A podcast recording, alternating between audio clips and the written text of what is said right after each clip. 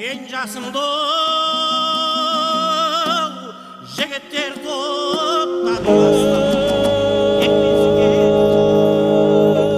арқалы таудың шыңындай алқалы топтың туындай болған жыршы жыраулар жайлы білгіңіз келсе қошан мұстафаұлының інжу маржан хабарын тыңдаңыздар.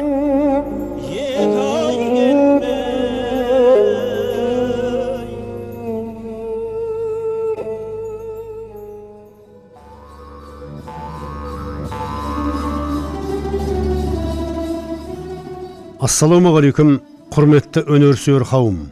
Әуе толқынында інжу маржан жыр дүлдүлі әбдіғали аталатын хабарымыздың екінші бөлімін тыңдауға шақырамыз.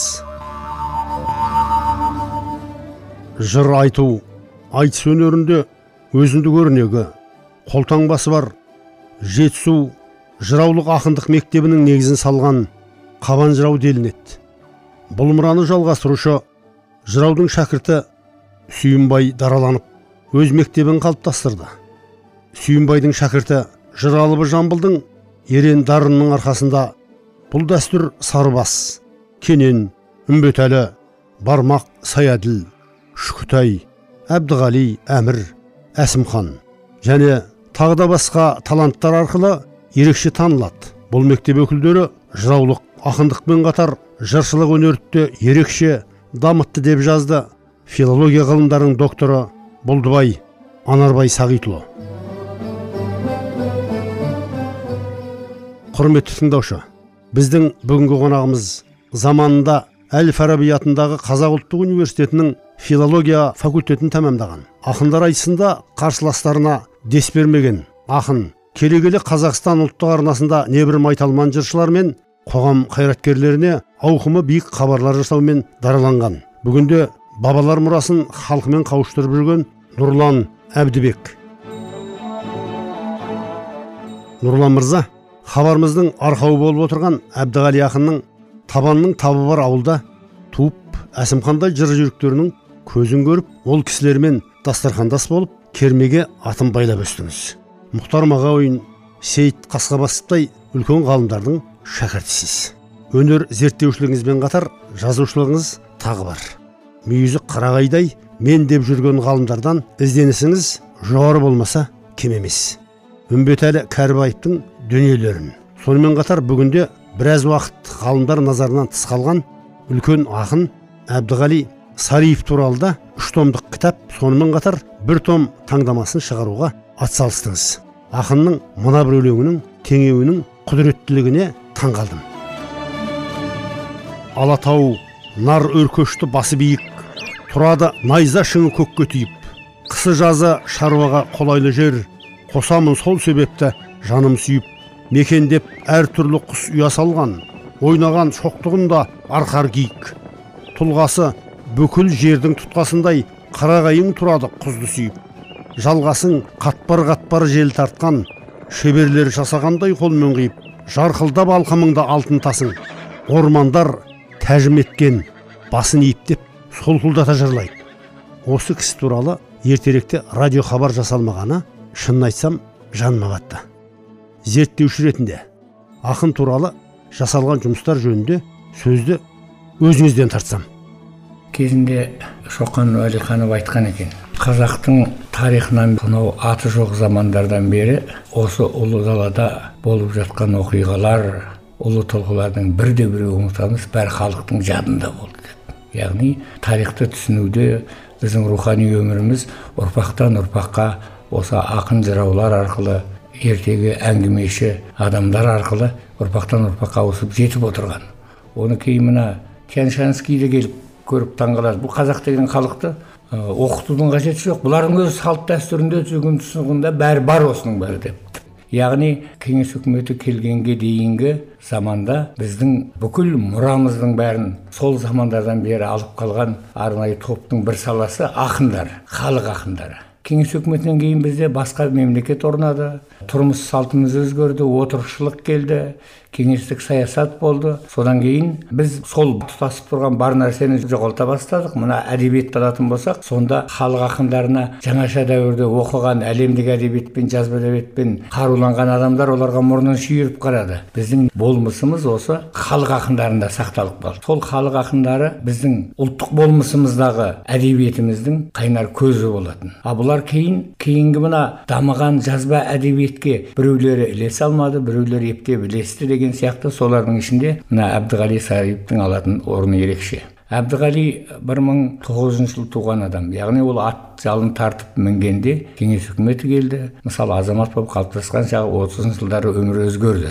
Әбдіғали да сол партиялық тапсырмамен жазылатын науқаншылдық әдебиет құрылған бәрін басынан кешірді. Бір ғажабы ол тек сол дәстүрге бағынып қалған жоқ. Халық ақындардың басым көпшілігі сонымен шектеліп қалды дағы. Олар бағаланбады. Әбдіғали соны алдымен домбырамен айтып кейін оны есіне түсіріп араб әрпінде соның бәрін жазып қалдыра берген адам екен. Өзі төрт класс оқыған бар жоғы. Үмбетәлі кәрібаевтың жүз жиырма бес жылдығында мен архивтегі барлық өлеңдерімен танысып төте жазуды оқитын адамды алып алып зерттеп байланыстым. Сол кезде үмбетәлі кәрібаевтың музейінде бір он шақты папка тауып алдық. Мынаның бәрі үмбетәлінікі екен деп мен осы таң қалып әлгіні оқысам мұның бәрі әбдіғали сариев деген кісінікі деді. Оның бәрін бөлек жинатып қойдым. Содан кейін үмбетәлінің юбилейі біткеннен кейін оның кітаптары шыққаннан кейін әлгі әбдіғалидың қызы шайымхан апайды тауып алып екеуміз ақылдастық. Содан әбдіғалидың кеңес үкіметінде бір пышақтың қырындай шағын шағын бес алты кітабы шыққан оны өзі кеңестік редакторлардың өткен кітаптар соның бәрін осы кісі артынан жүріп шығарған екен қызы. Ол кісі келісім берді сонымен әлгі нені алып үйге аудармашылар шақырып сонымен бас аяғы сол бір бес жылдай жұмыс істедік. Содан үш том кітап шықты содан бір том таңдамалы кітап шықты. Сол таңдамалы министрліктен жарық көрді. Сариевтің өзінің жазып кеткен нұсқасы қолыма тигендіктен асықпай қарадым. Әбдіғалидың бүкіл ерекшелігі оның ақындық мүмкіндігі қуаты соның бәріне өзім көзім жетті. Бұл кісінің бір ерекшелігі баяғы халық ақындарының деңгейіндегі жаңа әдебиетке кіре алмаған тобында қалып қойған жоқ одан бөлініп шығып бұл кісі жазба әдебиетке ілескен екен. Кәдімгі жазба әдебиеттің талабындағы дүниелер тудырған. Оның бәрі жарық көрмеген. Мысалы отызыншы жылдары қазақтың ұлттық батырлары туралы жырлауды тыйым салынған болатын. Кейін мына отан соғысы басталғанда әлгі жырларға қайта рұқсат берді. Да бұл кісі сол кезде көп нәрсені жазып қалдырып кетіп отыр. Қазақтың бүкіл батырлық дастандарын жазды көптеген. Нұреке міне енді біздің тақырыбымызға қарай ойысып келе жатырмыз. Бұл кісінің жыршылық дастангершілік жағы бізге қызықтау. Бұл кісіде мына дастаншылдық жағы. Мысалы мына қарасай батырдың түрікпен деген баласынан өңкей батыр шыққан. Енді соңғы батырлар ғой. Мына он тоғызыншы ғасырдың екінші жартысында екеуі де қайтыс болған ағайынды немере бауырлар сұраншы мен саурық батыр. Түйінбайда жырлаған жамбылда жырлаған бұл өзінше жырлайды.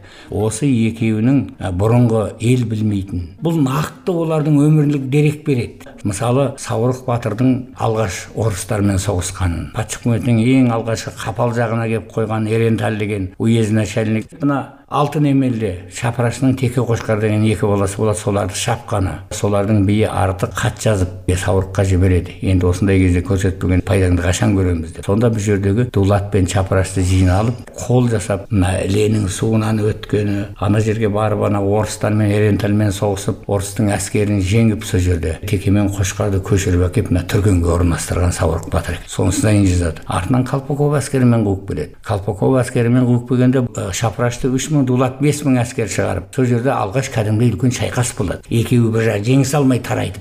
Сосын саурықтың кенесары келіп қырғызды шапқанда бұл жерде әртүрлі әңгіме бар. Кенесары келгенде дулат шапырашты мына үшқоңыр жайлауын бөліп береді кенесарыға тұруға кәдімгі хан жайлауды. Кенесарының әскер сол жердің ар жағында қырғыздың бір батырының күмбезін қазып сүйегін өртейді. Сонда мойындап тұрған қырғыз күңіреніп кенесарыға қарсы шығып бітеді содан кейін қырғыз бен қазақ енді бұдан кейін соғыспайық татуласайық деп сол кездегі дәстүр бойынша ақ үй тігеді екен. Ақ үйге қырғыздың батыры келіп қонып жатса қазақтар сойыс малын беріп соның көңілін көтереді екен. Қазақ қонып жатса қырғыз жағы келіп сөйтіп жасайды екен. Сол ақ үйде қырғыздың жаманқара деген батыр келіп қонып жатады. Сондай құрмет көрсетіліп жатқанда наурызбай батыр келіп қалып жаманқараны өлтіре түседі содан бүкіл қырғыз шулап жаманқараның көрпік деген інісі кек аламын деп ұйымдастырып жантай ханға барып осылай істеді деп. Сонда бұл шапыраштыға жауапты саурық батыр екен. Қырғыздар саурықтан көреді мұның бәрін. Неге ол тәртіпке салмайды еді неге сол жіберіп алды деп келісіп едік қой деп. Бұл жерде кенесары мен наурызбай туралы қырғыздар әңгіме қылмайды. қырық жігітті жіберіп ауылдан келіп жылқы айдап сол жалғыз қуған екен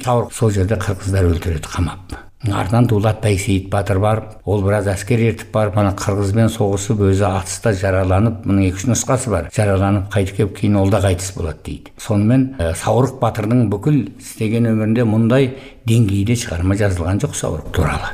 Саурық батырды дұрыстап зерттеген адам. Ол туралы пьесалар жазып мысалы ол туралы деректі фильм түсірсе саурық батырдың істеген әңгімесі өте көп. Ал енді одан кейін сұраншы батыр туралы дастан жазады. Кейін екеуін біріктіріп асу деген поэма қойып жазады. Сонда сұраншы батырдың бала кезде ауылдан қандай жігіт болып өскенін анау жолбарыс алып кеткен баланы құтқарғаны содан кейін тұтқынға алып бара жатқан қоқандықтарға шабуыл жасап осылар тұтқыннан босатып алып алдына салып қапалға дейін айдап барғаны колпаковқа апарып бергені. Содан кейін олардың келіп мына жерде сұраншыны бүкіл әскер жабылып құрмет көрсетуге колпаковскийдің келіп. Сол кездегі бүкіл тіршілігі сұраншы батырдың сұраншы батырдың кейін черняевпен бірге ары кеткені ол сайрамда қайтыс болған күндері осыған дейін түгел нақтылы зерттелген олардың қандай батыр екені. Бұл әдебиетке жалпы сұраншы саурық батырды жамбыл сүйінбай жырлаған деп қоя саламыз ғой жалпы. Аздаған бір үзінділер қалған оларда толық нұсқа жоқ. Мына жерде екі батырда да осындай толық дастан. Нұреке негізі бар ғой. Біздің жетісулық ғалымдарымыз жыршыларымызда салғырттық бар десек көңілімізге келеді. Осындай ұлы дүниелерді неге зерттемеске неге аспандатып жырламасқа осыдан жеті сегіз жыл бұрын мен осы екі батыр туралы үлкен хабар жасағам. Содан бері аты аталып отырғаны осы шығар. Бұл екі дастан жалпы қазір айтып жүр мысалы жылыбек тоқтасынов бар содан кейін мына есенқұл осы қолынан ұстап жүріп тәрбиелеп тұрмын. Сол данияр деген бала дауысы өте кең ашық таза. Сол да кәдімгі осы дәстүрлі дүниеге өзінің кәдімгі мүмкіндігін танытып осы әбдіғали шығармашылығына ол да ден қойды. Ол жігіт әбдіғали шығармаларынан мына жүргенов атындағы институтта диплом қорғады. Оған жетекші болды мысалы сол сияқты. Нұреке ендеше осы әбдіғали ақынның саурық батыр дастанын республикалық әнші термешілер байқауларының лауреаты данияр рахымбай ініміз орындайды. Бір айта кетерлік жағдай бұл туынды қазақ радиосынан тұңғыш рет берілуі тұсаукесер десек болады. Сондықтан ортасынан үзбей тыңдарманға толық тыңдатайық. Ай қошқар жұмағұл шуменен мұның бірі тау құздар. Осы жерде ілгері мекендеген қырғыздар әтеке тынай сарбағыш бұғы саяқ мұндыздар сол қырғызды билеген орман жантай хандары қарауыңа алғын деп патшасына ұрыстың арыз беріп барғаны. Өйткені қазақ қалмақпен қырғыз болып шабысып үзілмей жүрген жанжалы ұлы жүз үйсін қазағы. Бұл қазақтың көбелі қоныс еткен мекені алатаудың кемері. Отарлап мұны алуға арызды мен қырғыздың перемышыл келеді. Шығысына қазақтың тапалға барып бекініс салғаны да сол еді. Ол уақытта қазақты орыстар қырғыз дереді. Бекет болып қапалда бірнеше халық топтанды. Ерентәл деген біреуді ояз етіп ақ патша сол арнаны басқарды. Ерентәл ояз болған соң тыныш жүрмей мастанды. Теке қошқар екі ру алтын емел табында. Ерентәл келіп бас алды бұл қазақтың басшысы артық деген кісі еді. аз ғана адам топтанды. Топтанғанмен шама жоқ. Қашып пісіп сақтанды. Малын талап алысып өлтіріп талай адамын. Қанын судай шашқанды. Мекен еткен жерлерін. Ерентал келіп шапқан соң аз ғана ауыл елдерін әскер басып алған соң алматының тауында саурық батыр бар еді өмірзақ батыр бар еді. Соған хабар салуға қос атпенен екі адам жіберді басқып ерденін жау шапты келіп ауылды сен деді саурық сенгенім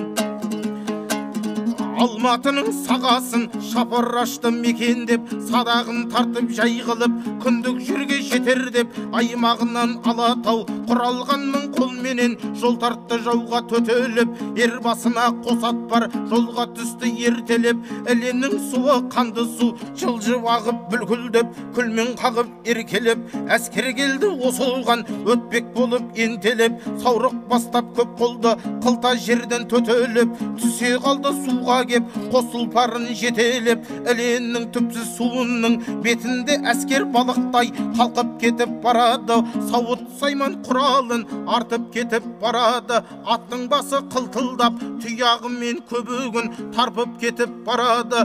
Суда балық көрінсе садақпенен ойын қып тартып кетіп барады. Сақта құдай сақта деп айту барын жолына айтып кетіп барады. Ара күндік жол жүріп жеті жедел батырлар алтын емел беліне ирантал келіп қамаған көзі түссе еліне. Алыстан саурық келгенше шауып алған бар малды талауға салып мүлікті. Көрсеткен үлкен ойранды алдымнан шықты саурықтың. Артық келіп арыз қып көрем деп қашан пайдаңды? Бірнеше жүз қолы бар ирантал деген жау келді. Елер емес майсаңды зеңбірек күрзі күмбілдеп тауды жарды дүрсілдеп бірақ алып аяғын ашады екен бүлкілдеп. Қарап тұрсап жүрісін дариядай кілкілдеп мойнына шапан ораған найзалы мылтық қолында жолбарыстай қараған. Мұндай жауды көрмеген тұғалы деді анадан. Тұтқын болып адамдар жау қолында жылаған. Саурық жүрді жер болжап биіктің шықты басына жер мөлшерін көрсетіп артық еріп қасына жау қарасын көрісіп деп сұрады осы ма әскермен келген ер саурық деді жаудан шошынма. Демалып бүгін жаталық тынықсын аттар осында. Бас аяғын дұрыстап жабдықтарды қамдағын. Көлемді ол жау екен қапыда болып қалмағын. Саурық болып жаралсам басар жауды әруағым. Түзден болды адамы қамалдық деді жан жағын. Күн бата жауға аттанды шап деді бірін қалмағын. Бастығына кездессең өлтіріп оны салмағын айтатұғын сөзім бар ішімде кетер арманым деп сөйледі көбіне абайлап шап дұшпанға алып кел маған ұлығын ер қарасай арғатам шапырашты ұруым күнде батты аттанды болмайды деп тұруым қоғалыны жағалап айнала қоршап солдатты күш қуатын шамалап жауға тиді ел жатта ақ найзаны сағалап қарасай ұран шақырып атқа қамшы сабалап оларда мылтық тұтатты.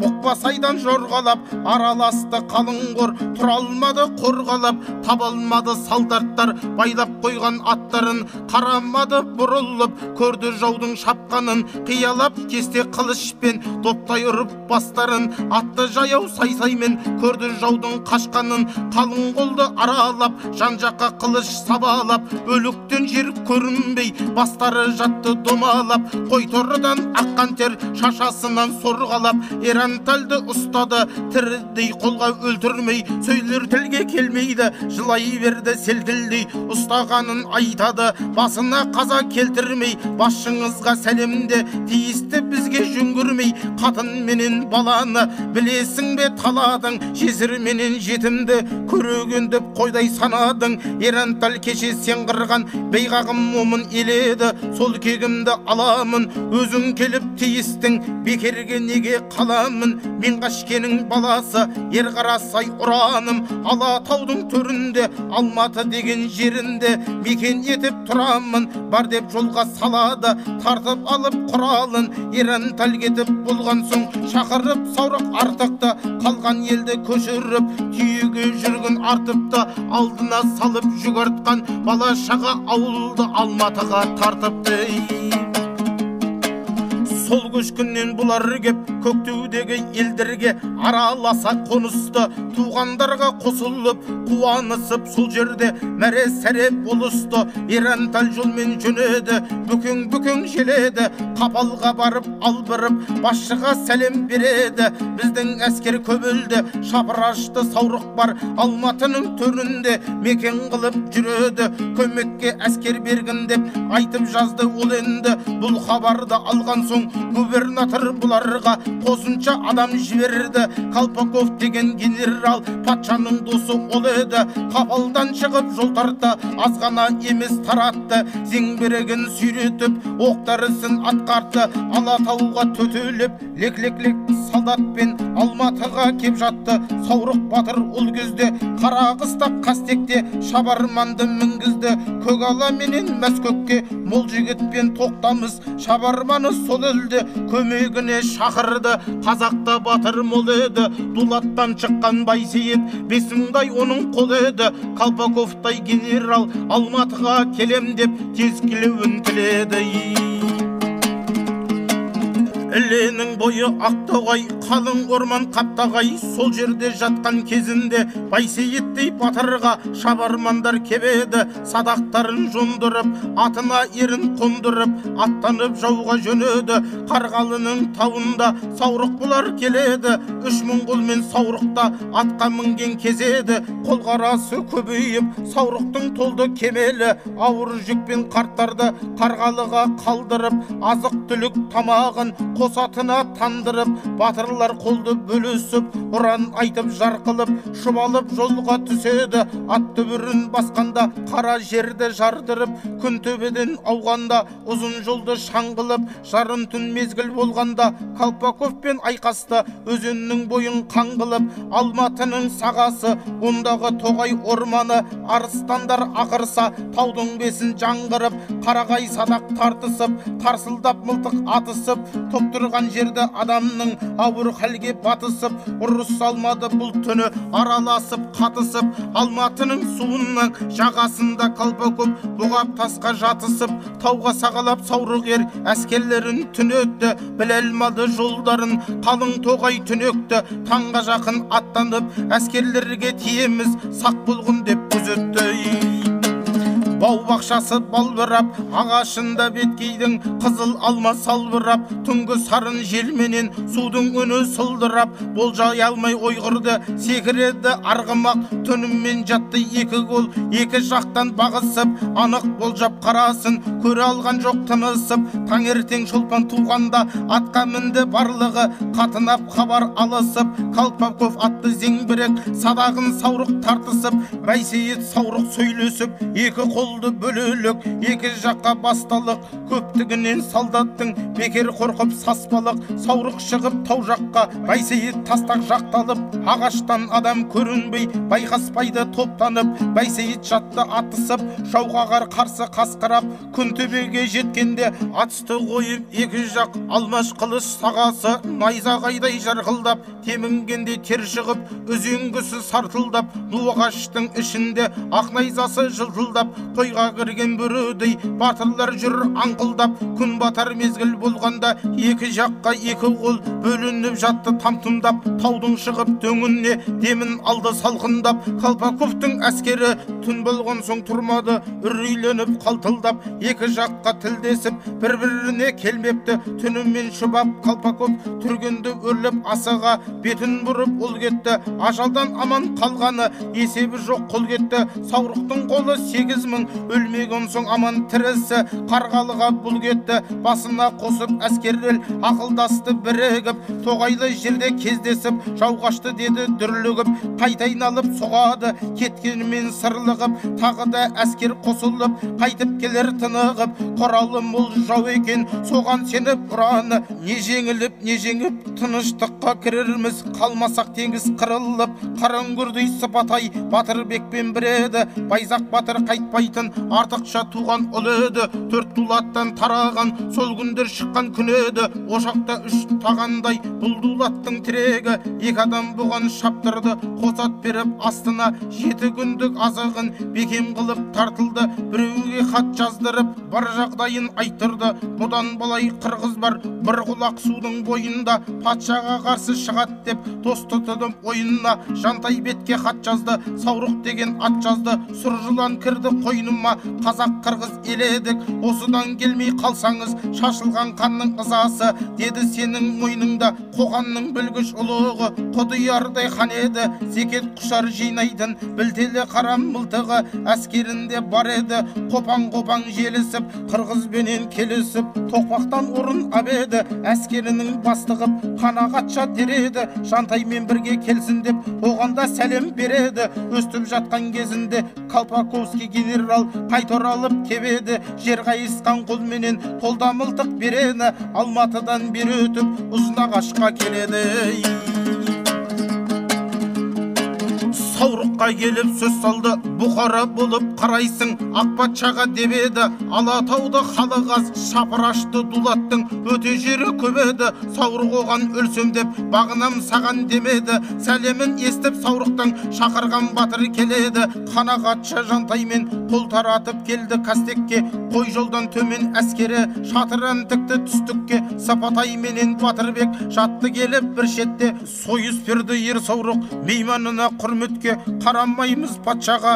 Қырылып бүгін өлсек те өлгенменен тең тағы да алым салық берсек те соғыспасақ дайын боп аттанысты қалың топ саурықпенен байсейіт сасықбайды жағалап. Қарғалыда колпаков майданға шықты екі жақ бес шақырым арасы. Сазға шыққан шілікпенен орман тоғай ағашы. Жотаға шыққан адамның көрініп тұр тұрды қарасы. Зеңбірек атып солдаттар дүрсілдеп жатты тау басы құтылғандар көп болды зеңбіректің оғынан саурық садақ тартады. Шыға шауып тобынан бәйсейіт тартып бір жақтан желі тұрып оңынан колпаковтың әскері кейін тепті орыннан. Колпаковпен сөйлесіп бөліне барып солынан қанағатша жантаймен олар тайды жолынан уәде берді колпаков шен берем деп қолымнан. Батырбекпенен сыпатай олар да кетті соңынан бәйсейітпенен ер саурық кеткенін көрді жантаймен. Қанағатша батырбек елдігі жоқ ақымақ уәдесіз қапыл деп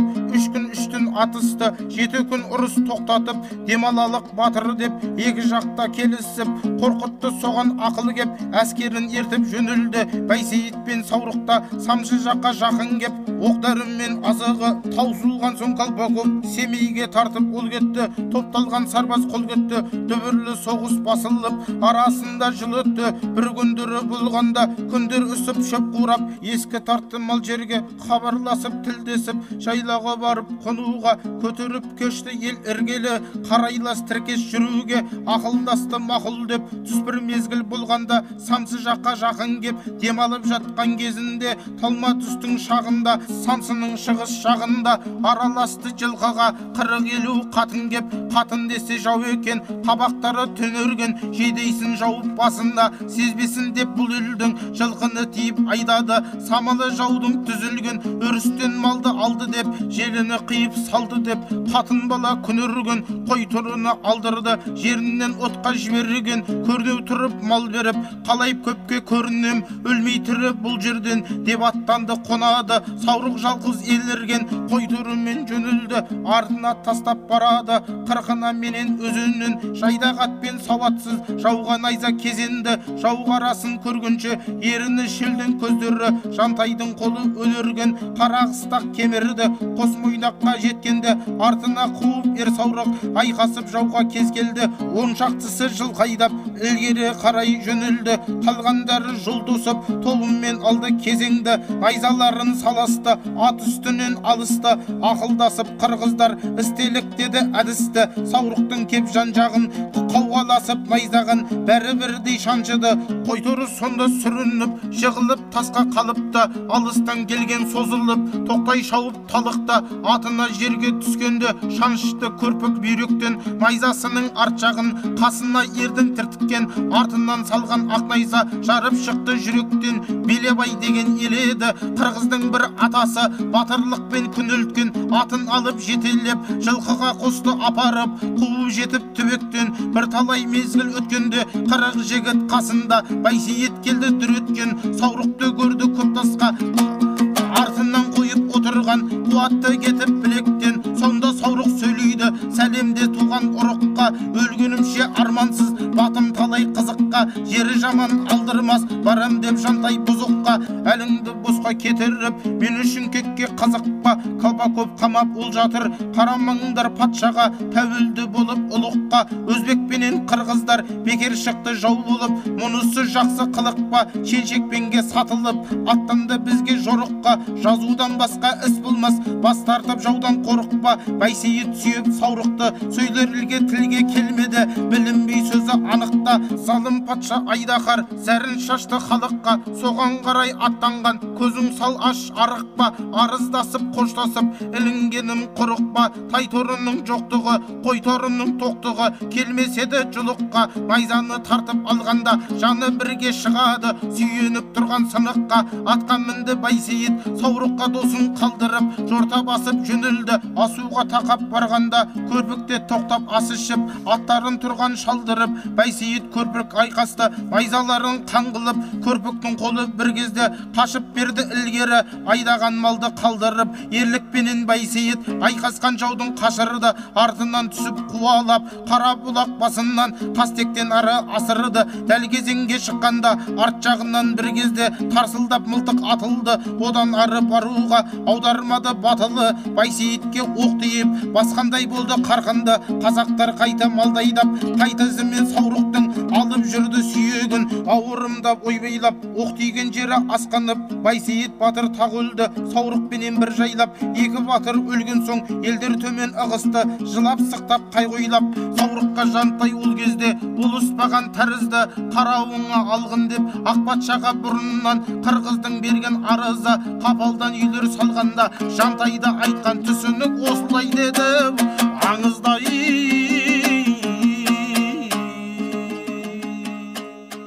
нұрлан мырза дастанды тыңдап алдық.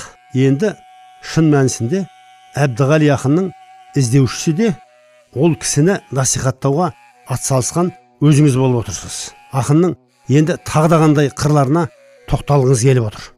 Сосын бір ғажабы бұл кісінің табиғат туралы. Өлеңдері. Мысалы табиғат туралы өлеңдері дегенде енді мен бір кішкене үзінді оқып берейін. Жаз деген өлең жазады. Абайдың жаз деген өлеңін оқығаннан кейін осы халық ақындарының көбісі ауырады осы. Мына өмірзақ қарғабаевтың немересі айтады атам жаз деген өлеңді апта сайын маған қайтадан оқытып соны ыңылдап қосылып басын шайқап отыратын деп. Қарғабаевтың өзі ғажап ақын оның көркемдік деңгейі өз заманының бәрінен озық тұр. Ол кісінің енді енді жазылып неғып әлі жарық көрмеген ақын. Сонда мына әбдіғалидің жаз деген өлеңінде бұл кәдімгі жазба әдебиеттің көзқарасы бар. Тек қана халық ақындарының болмаса бұрынғы қазақтың ғана түсінігі емес кәдімгі шығармашылығында жоғары деңгейге көтерілгенін байқаймыз. Мысалы қылыштай қыннан шығарып қарабас шалғын бетеге күннің көзі тұрбағып жоңышқаменен бидайы көкбас тартып сұрланып осы тісін қайраған маман мініп айдаған керегіне адамның машиналары тұрбағып дейді. Бұл ана шөп шабу науқанына байланысты. Науқандық поэзия емес қарап отырсаңыз. Содан кейін секіріп шертіп шегіртке шырылдайды олдасан батыр тәует жол түзеп жыланның жолын байлаған дейді. Тәует әлгі жыланды өлтіретіндер ғой дәуітті. Батыр тәует дейді. Ана теңеулі қарамайсыз ба? Сыңқылдап аққу күй тартып аспанның астын шарлаған кілемнің жайған түріндей жаңа дүние жайнаған дейді. Бұл енді табиғат дегенмен содан кейін бұл кісінің махаббат туралы жырлары. Енді халық ақындарының мен бірде бірінен мұндай махаббат жырлар көрмедім мысалы. Сұлудың сипаты дейді. Түймедей болған басы бар туған айдай қасы бар. Сүмбедей біткен сүйегі тал жібектей шашы бар. Қыр мұрынды ат жақты жазық біткен төсі бар. Сылдыр күлкі аймаңдай анық сұлу осылар. Тамағына қарасаң ақ бөкеннің таңындай құмырсқа бел тармықын жүрсің ау шіркін табылмай дейді. Сосын мен сені сүйемін деген өлең өзіміз сексен тоқсаныншы жылының жастары мен сені сүйемін деп өлең жазатын бұл өзі алпысыншы жылдары қайтыс болып кетті. Сол шамасы елу алпысыншы жылдары жазылған өлең ғой. Сол кезде ол тек партиямен тапсырыспен жазылатын заман. Бұл кісі жазып тастай берген мысалы. Сағындым сарғайдым сен үшін күйемін сырым сол сондаймын өзіңді сүйемін. Шөлдесем қанбаймын жалғансыз бүйірім. Ой түбін байланған ағыттым тиегін.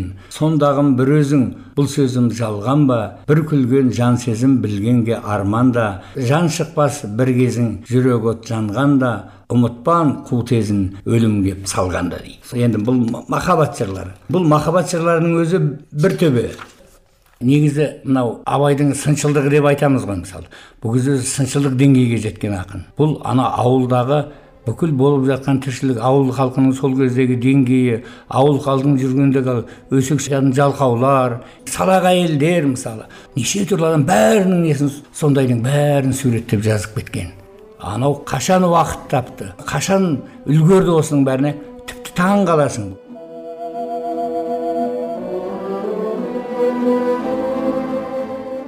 Жыр дүлдүлі әбдіғали аталатын хабарымыздың екінші бөлімін осымен түйіндедік. Қатысқан қонақтарымыз өнер зерттеуші ақын нұрлан әбдібек республикалық жыршы термешілер байқауларының лауреаты данияр рахымбай хабардың авторы әрі айтаманы журналист қошан мұстафаұлы әуенмен әрлеген қайсар тұрмағанбетұлы жалғасын алдағы хабарда тыңдай аласыздар. Әуе толқынында келесі тілдескенше бас аман бауыр бүтін болсын ағайын